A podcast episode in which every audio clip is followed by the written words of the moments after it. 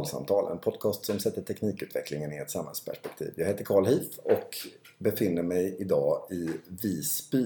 Eh, när det här spelas in så är det Almedalsvecka och jag har lyckats norpa Jakob Dexe som är forskare på Six Swedish ICT. Välkommen! Tack så jättemycket! Till att börja med, för den som inte vet vad Six är för någonting. Vad är Six för en grej?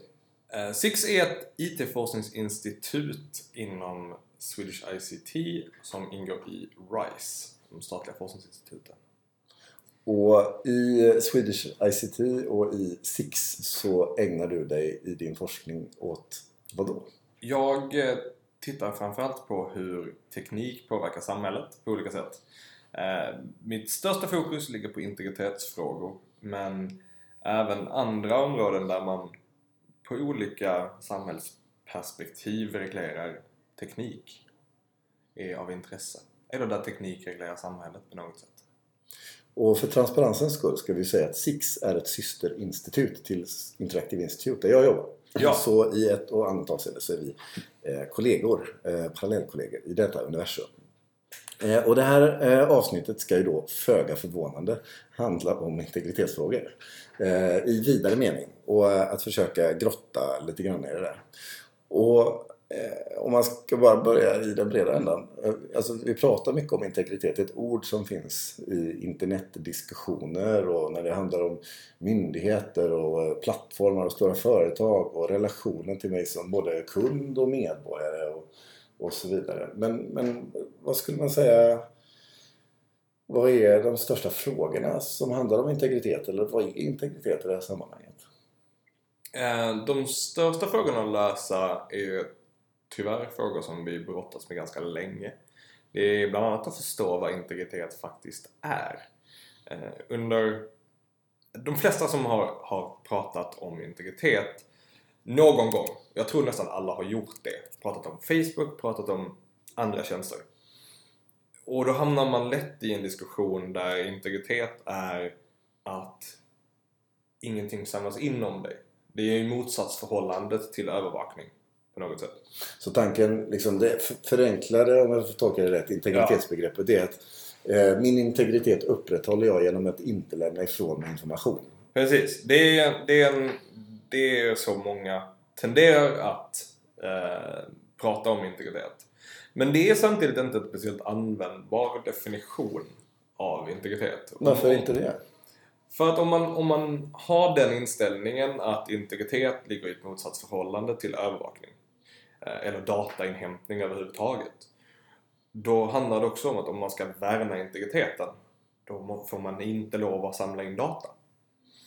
Och då tappar vi ganska stora delar av eh, bland annat svensk industri men även eh, det som vi dagligdags gör på nätet. Att vi delar och, och att vi använder tjänster som bygger på insamling av data på något sätt.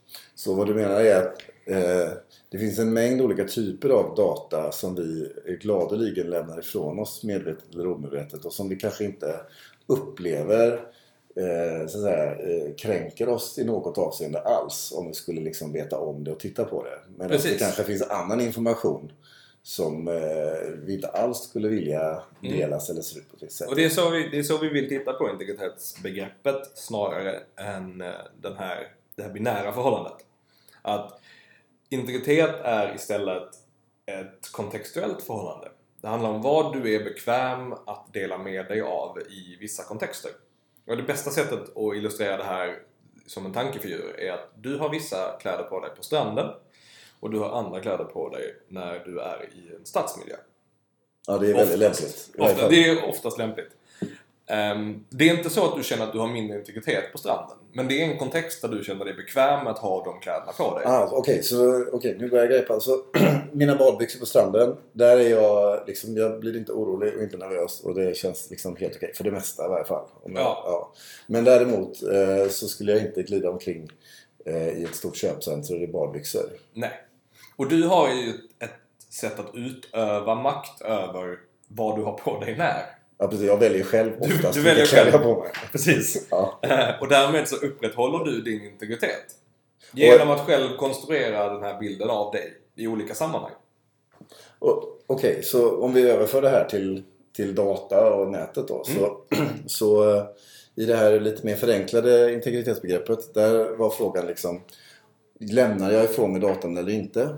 Men i det här mer komplexa integritetsbegreppet så handlar det mer om Den här datan vill jag lämna ifrån mig i det här syftet, mm. vid det här tillfället. Och vet jag om det och känner att jag gör en avvägning som är lämplig. Det är ett annat exempel som många tar. Vi har, det spelar ingen roll vad man, vad man har för dataskyddsregler för att alla ungdomar lägger ändå upp allting på Facebook. De tar bilder på sin mat. Det finns ändå ingen integritet där. Men det är ju inte så enkelt. Det är ju, det är ju en högst medveten handling att lägga ut bild på sitt käk där. Eller skriva om sina känslor. Det är någonting som du väljer att sprida till dina vänner i sociala medier. Och därmed så är det en del av den personlighet du bygger upp. Du tappar ingen integritet av att dela det. Det tappas bara en integritet om det sprids utanför kretsar som du är bekväm med eller du har kontroll över. Eller föreställer mig att det är som om det används på ett annat sätt än vad jag kanske hade avsett. För jag, mm. jag föreställer mig att här kan det väl finnas liksom flera olika typer av liksom parametrar som, står till, som blir gränser för vad jag upplever är liksom en positiv eller mindre positiv eller eh, direkt negativ dataanvändning. Om vi tar liksom bilden som jag postar på, på Facebook eh, i en sluten kontext. Mm. Eh, den begränsas ju dels av vilka som ser den. Precis. Men den begränsas ju också i något avseende i tid. Mm. För att Förvisso går det ju att hitta och gå tillbaka till bilder senare men det är ju rätt så svårt. Mm. Så en bild som jag delade för tio år sedan och tyckte var okej okay då var inte nödvändigtvis okej okay tio år senare. Precis. Så det finns liksom tidsmässiga aspekter eh, och relationella aspekter. Och jag kan föreställa mig att det finns också då olika aspekter ur användningsperspektiv. Att den här bilden är okej okay för någon annan att se mm. men kanske inte att använda i något syfte som mm. jag inte är bekväm med. Ja precis och det är därför det har blivit ganska mycket rubriker om ibland, ibland skrämselrubriker också om det här med att Facebook äger dina bilder. Men, men Facebook har också gett dig möjlighet att mm, begränsa. Du kan eh, välja att eh, bara vissa personer får tagga dig. Du kan välja att du måste godkänna att du blivit taggad i en bild innan eh, ditt namn syns där. Du kan själv ta bort bilderna som du inte vill ha kvar längre. Och på det viset så har du ett handlingsutrymme när det kommer till vilken bild av dig som finns på nätet. Eller som finns på Facebook åtminstone. I den lilla ramen, den kontexten. Och sen är det tusen och en andra sådana här tjänster. Ja, visst. I vilket detta finns. Men det innebär ju också att jag behöver ha en ganska aktiv relation till de här tjänsterna. Och en ganska stor förståelse för vad de faktiskt innebär. Och det är där många av bristerna finns idag. Att vi inte har en fullgod förståelse för hur data om oss faktiskt används. Och där eh, kan jag känna att det finns ju några sådana liksom ganska grundläggande problem. Eh, för att liksom kunna jobba och förstå integritet. Och en sån handlar ju om liksom hur min avtalsrelation ser ut till de aktörer på nätet som jag mm. lämnar ut information till.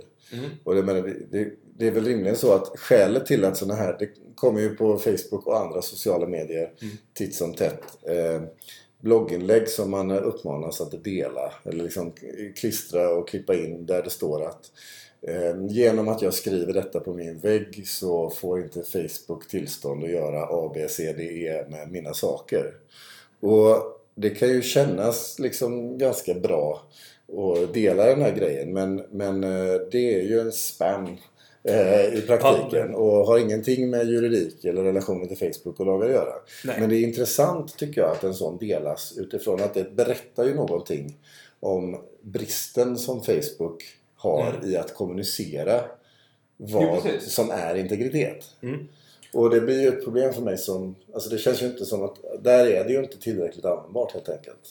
Och i och med att så många använder Facebook så ofta det är ju trots allt den sociala medieplattform vi använder nästan mest. Eller mest, helt enkelt. Um, så blir det ju också mer påtagligt att här är jag inte så skyddad som jag vill vara alltid. Men de här reaktionerna.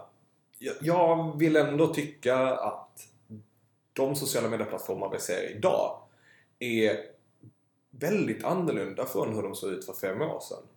På vilket sätt menar du att de är annorlunda? De ger en större möjlighet att just ändra vilka kontexter du delar saker i. Du har en mycket större frihet att definiera dina omständigheter. Så, genom att ge tillstånd till olika typer av information. Genom att sätta begränsningar på publiken. Genom att kunna ta bort bilder och sådana grejer.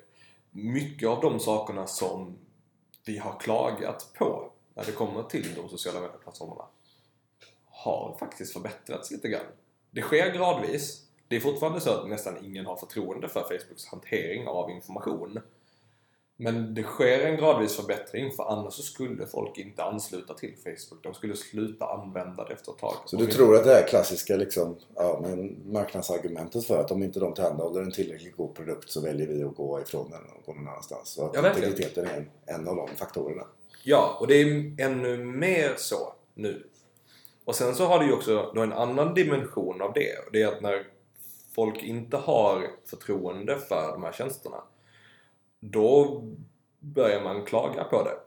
Och så småningom kommer politiker lyssna på detta. Det kanske inte känns som att det händer i Sverige bland annat. Eh, men i Tyskland och i Frankrike så har det blivit en ganska stark politisk push mot att reglera sociala medier och mot att reglera ett starkare integritetsskydd. Och vad har varit det tyska och franska argumentet för att skapa en starkare reglering i de här miljöerna ur ett medborgarstatsperspektiv? Det är tudelat, eller delat på flera ledder. Ehm, det finns dels protektionistiska argument.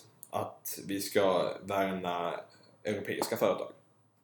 Okej, okay, så det finns ett näringslivsargument eller ett, ett industriargument som handlar om att eh, de här stora jättarna eh, behöver på något vis begränsas mm. i relation till de här länderna. Men där finns ju också en maktskepticism mot att det är arenor som politiker och de beslutande organen inte riktigt har kontroll över. Vilket man har försökt bråka om i domstolar på olika sätt. Var, var har vi jurisdiktion att bestämma över de stora plattformarna? Och det är väl egentligen också en ganska angelägen fråga om man tar eh, bara för att titta på liksom var det politiska samtalet äger rum i eh, en, en västerländsk nationalstat idag så är ju en stor del av det politiska samtalet det sker ju i de här plattformarna.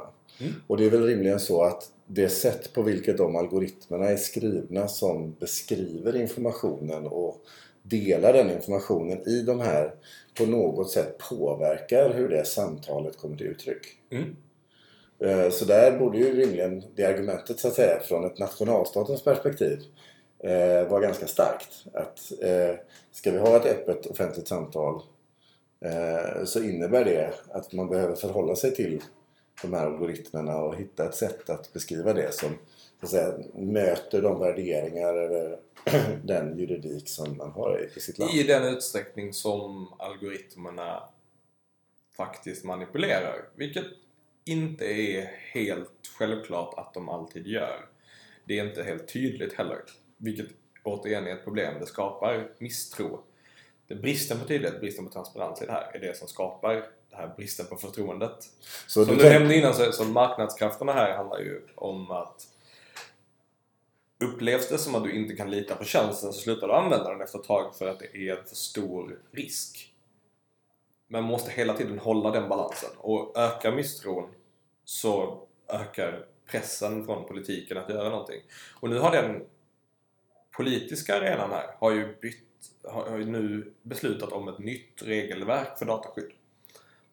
Som är på EU-nivå? Som är på EU-nivå, precis. Och som ska harmonisera dataskyddsreglerna i alla eh, medlemsländerna i EU. Man har uppdaterat ett 20 år gammalt direktiv, vilket är skitbra egentligen eftersom att för 20 år sedan var internet inte jättegammalt. Det var... Och det nya dataskyddsdirektivet eh, det skapar ganska stora eh, förändringar för både företag och offentlig sektor i hur man ska hantera sin data. Och Det gör det verkligen. om jag minns rätt så ska det här implementeras ungefär inom två år eller något i den stilen. Maj 2018 ska det vara på plats. Och det innebär ju att maj 2018 så behöver aktörer som ägnar sig åt att eh, ha data i sina tjänster om medborgare i EU att behöva sådär, följa ett antal nya eh, juridiska eh, förhållningsregler kan man säga. Ja. Eh, och det är... I dagsläget är det inte helt klart hur alla de här reglerna kommer att appliceras. Lite av det kommer nog lösas av de utredningar som är igång eh, i Sverige för att titta på implementeringen av det. För här veckan eh, i ett tidigare avsnitt så pratade vi med Agnes eh, Hammarstrand som är advokat eh, och som jobbar med de här frågorna. Och hon kände en viss oro inför hur den här implementeringen skulle gå till. Och om man skulle hinna och vad det innebär för konsekvenser. Och, Och det är hon inte ensam om. och företag, alltså det innebär att man bygger, måste bygga fysiskt bygga om, koda om många tjänster. Mm. Och att många företag inte riktigt är medvetna om vad det här innebär. Och att det faktiskt inte riktigt går att se det idag heller. Nej. Samtidigt så är det ju ett av syftena med det här har ju varit att skapa en blåslampa i någon mån. Det kommer bli eh, krångligt och jobbigt för många företag att ställa om det här. I och med att vi är så fruktansvärt beroende av data på många sätt i den här diskussionen. Och i, i eh, näringslivet är beroende av det för att utveckla tjänster, myndigheter är beroende av det för att hantera den service som vi ska få och att utöva sin verksamhet. Och därmed så påverkas förändringen av hur vi faktiskt får lov att använda vår data förändrar ju faktiskt förutsättningarna för alla verksamheter som är beroende av data. Och i princip så är det alla tjänster som vi Ja. ägnar oss åt. Det är få tjänster som vi ägnar oss åt som inte har någon som helst relation till internet idag. Så Ja, som inte behandlar några personuppgifter eller någonting sånt. Så det kommer påverka många. Eh, om man tittar på just myndigheter och offentlig sektor i det här sammanhanget eh, när det kommer till eh, integritetsfrågorna så är de lite annorlunda än om man pratar om Facebook och så vidare. Eh, För stat och kommun och landsting och myndigheter samlar ju in data om också också. Eh, Och där är väl inte heller transparensen alltid hundraprocentig och att vi som medborgare är fullt medvetna om liksom vilken information som myndigheter har om oss och på vilket sätt eh, eh, man har en relation till dem. Eh, påverkas det, nog här? Kommer det här påverkas eller hur ser bilden ut idag? Är din upplevelse av, av Det kommer ju påverka...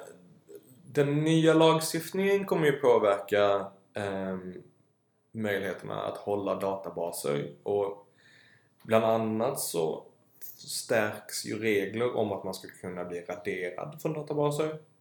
Eh, det stärks att man ska kunna få flytta sin information och flera andra perspektiv som kommer göra myndighetsutövningen speciell och deras roll annorlunda.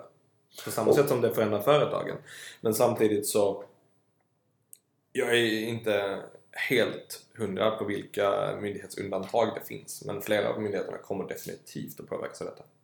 Och, och det här innebär ju också en, egentligen en omdesign av tjänster och att liksom Ja. förhålla sig till detta ur ett medborgarperspektiv och ur ett integritetsperspektiv. Ja.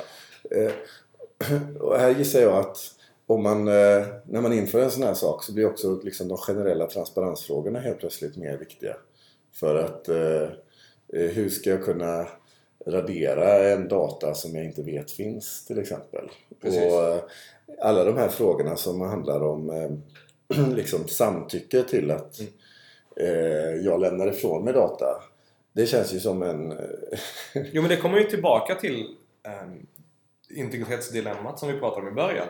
Att om du ska veta vilken bekväm, be, hur, hur bekväm du är att dela med dig av data i en kontext så måste du faktiskt veta hur kontexten ser ut. Transparens är liksom en nyckel till att fatta vad som faktiskt händer. Och för företagssidan så är det en grej. Där går- ingår det oftast ett avtal som säger att jag delar med mig av information. Och det är det där jag gör i början på när jag eh, laddar ner ett program Precis. eller godkänner så dyker upp sådär 18 Ja. 11 rader text och så trycker jag OK längst ner. Ja, men, men inte sällan så är det inte i samma omfattning att du, med, du får möjlighet att ge input i varför myndigheter samlar information om dig. Eftersom att de har en, en annan verksamhet och ett annat syfte. Ehm, och vi har en annan tilltro till myndigheter egentligen. Men tror de flesta svenskar skulle nog säga att om, om man skulle fråga en, en svensk ehm, eh, om hur öppna vi, våra svenska myndigheter är så skulle de flesta tänka ja men vi har ju det här, offentlighetsprincipen. Det är sjukt bra. Och vi har haft den väldigt länge och den har varit liksom ett trademark egentligen för Sverige. Men en nackdel med att ha så länge är att vi också har lyckats arbeta upp strukturer kring offentlighetsprincipen som gör att vi inte alltid lämnar ut information. Vi har saker som levande dokument, det vill säga ärenden som bereds. Där lämnas inte ut information.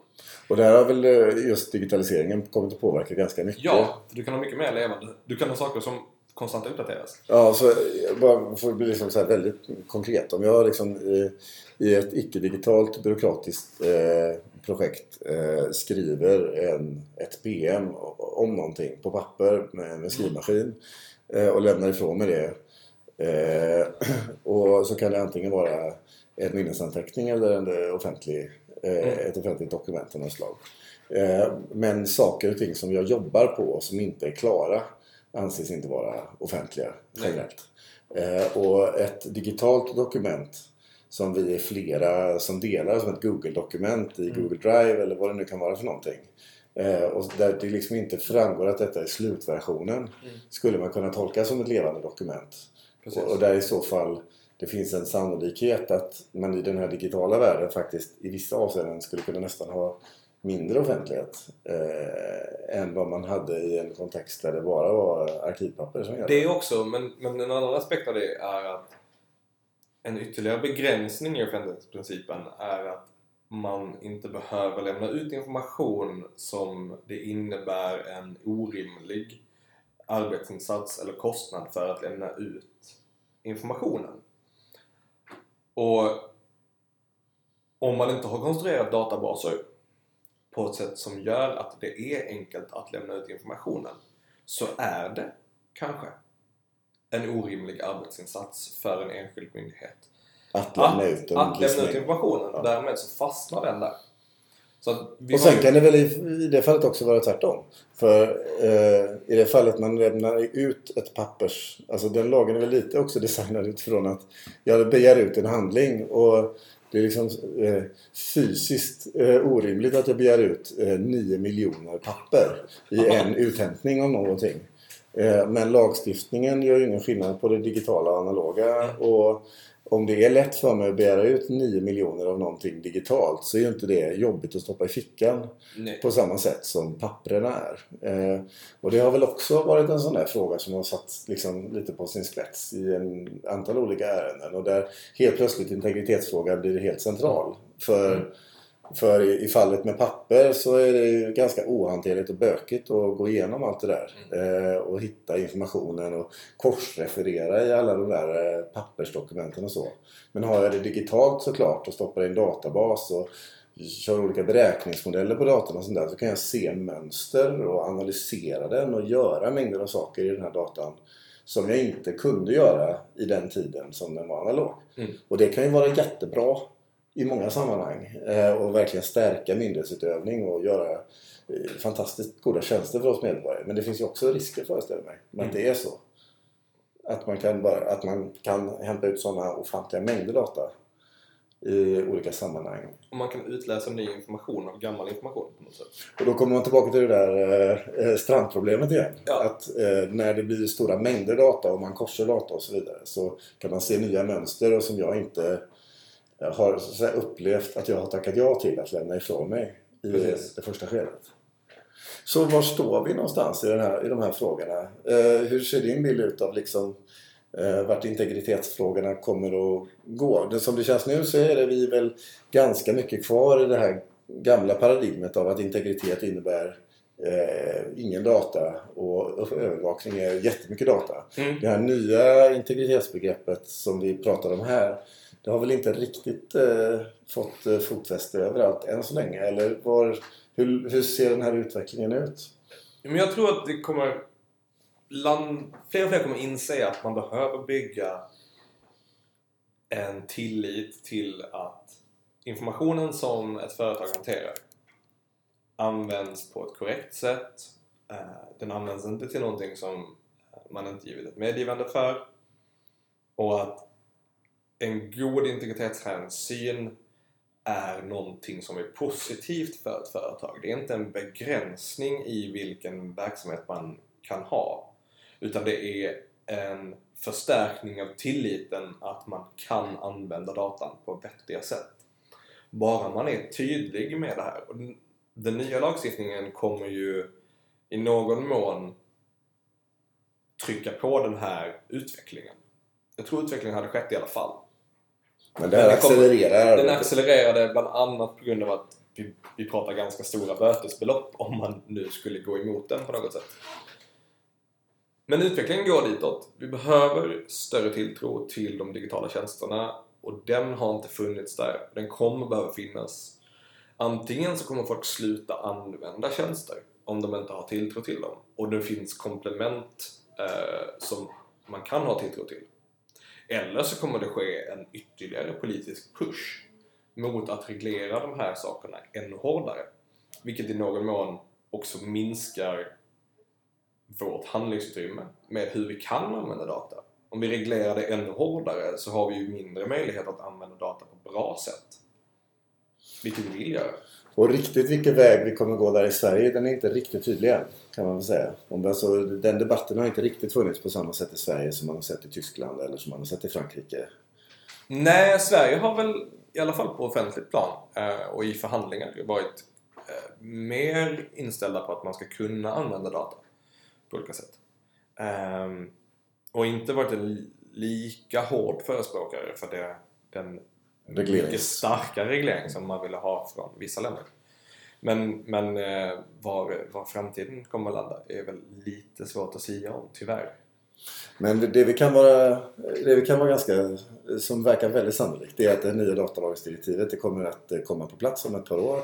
Och att Dataskyddsförordningen. Dataskyddsförordningen Datalagringsdirektivet är förhoppningsvis borta om ett tag också. Ja, ja, just, ja precis. Det kan vi hoppas. Men nej, dataskyddsförordningen precis. Och dataskyddsförordningen den innebär den här ganska så stora förändringen. Och, och eh, hur implementeringen går det får vi kanske återkomma till. Ja. Eh, och ta en titt på och följa upp. För det lär... Eh, det kommer hända jättemycket de närmaste, närmaste två åren. Om inte annat för en mängd IT-konsulter som står inför massor av uppdrag inom Och jurister och IT-avdelningar och eh, personalchefer och kundcenter och diverse olika verksamheter som hanterar data på något sätt. Det blir en spännande resa. Tack så jättemycket Jakob för att du var med i Digitalsamtal. Tack så jättemycket för att jag fick komma hit. Med detta så är podden slut för den här gången. Hör gärna av er med kommentarer, tankar och funderingar i Facebookgruppen Digital samhällskunskap. Och har ni några frågor, tveka inte att höra av er till oss. Det går jättebra att höra av sig i, i Facebookgruppen eller mejla oss och i så fall är mejlen podcast.digitalsamtal.se. På Twitter finns vi på digitalsamtal. Och är det så att ni prenumererar på podden i någon tjänst som iTunes eller annan så får ni gärna ratea eller kommentera programmet för då hamnar vi högre upp i sökresultaten och fler får möjlighet att hitta till oss. Tack för den här gången. Hej då! Hej då!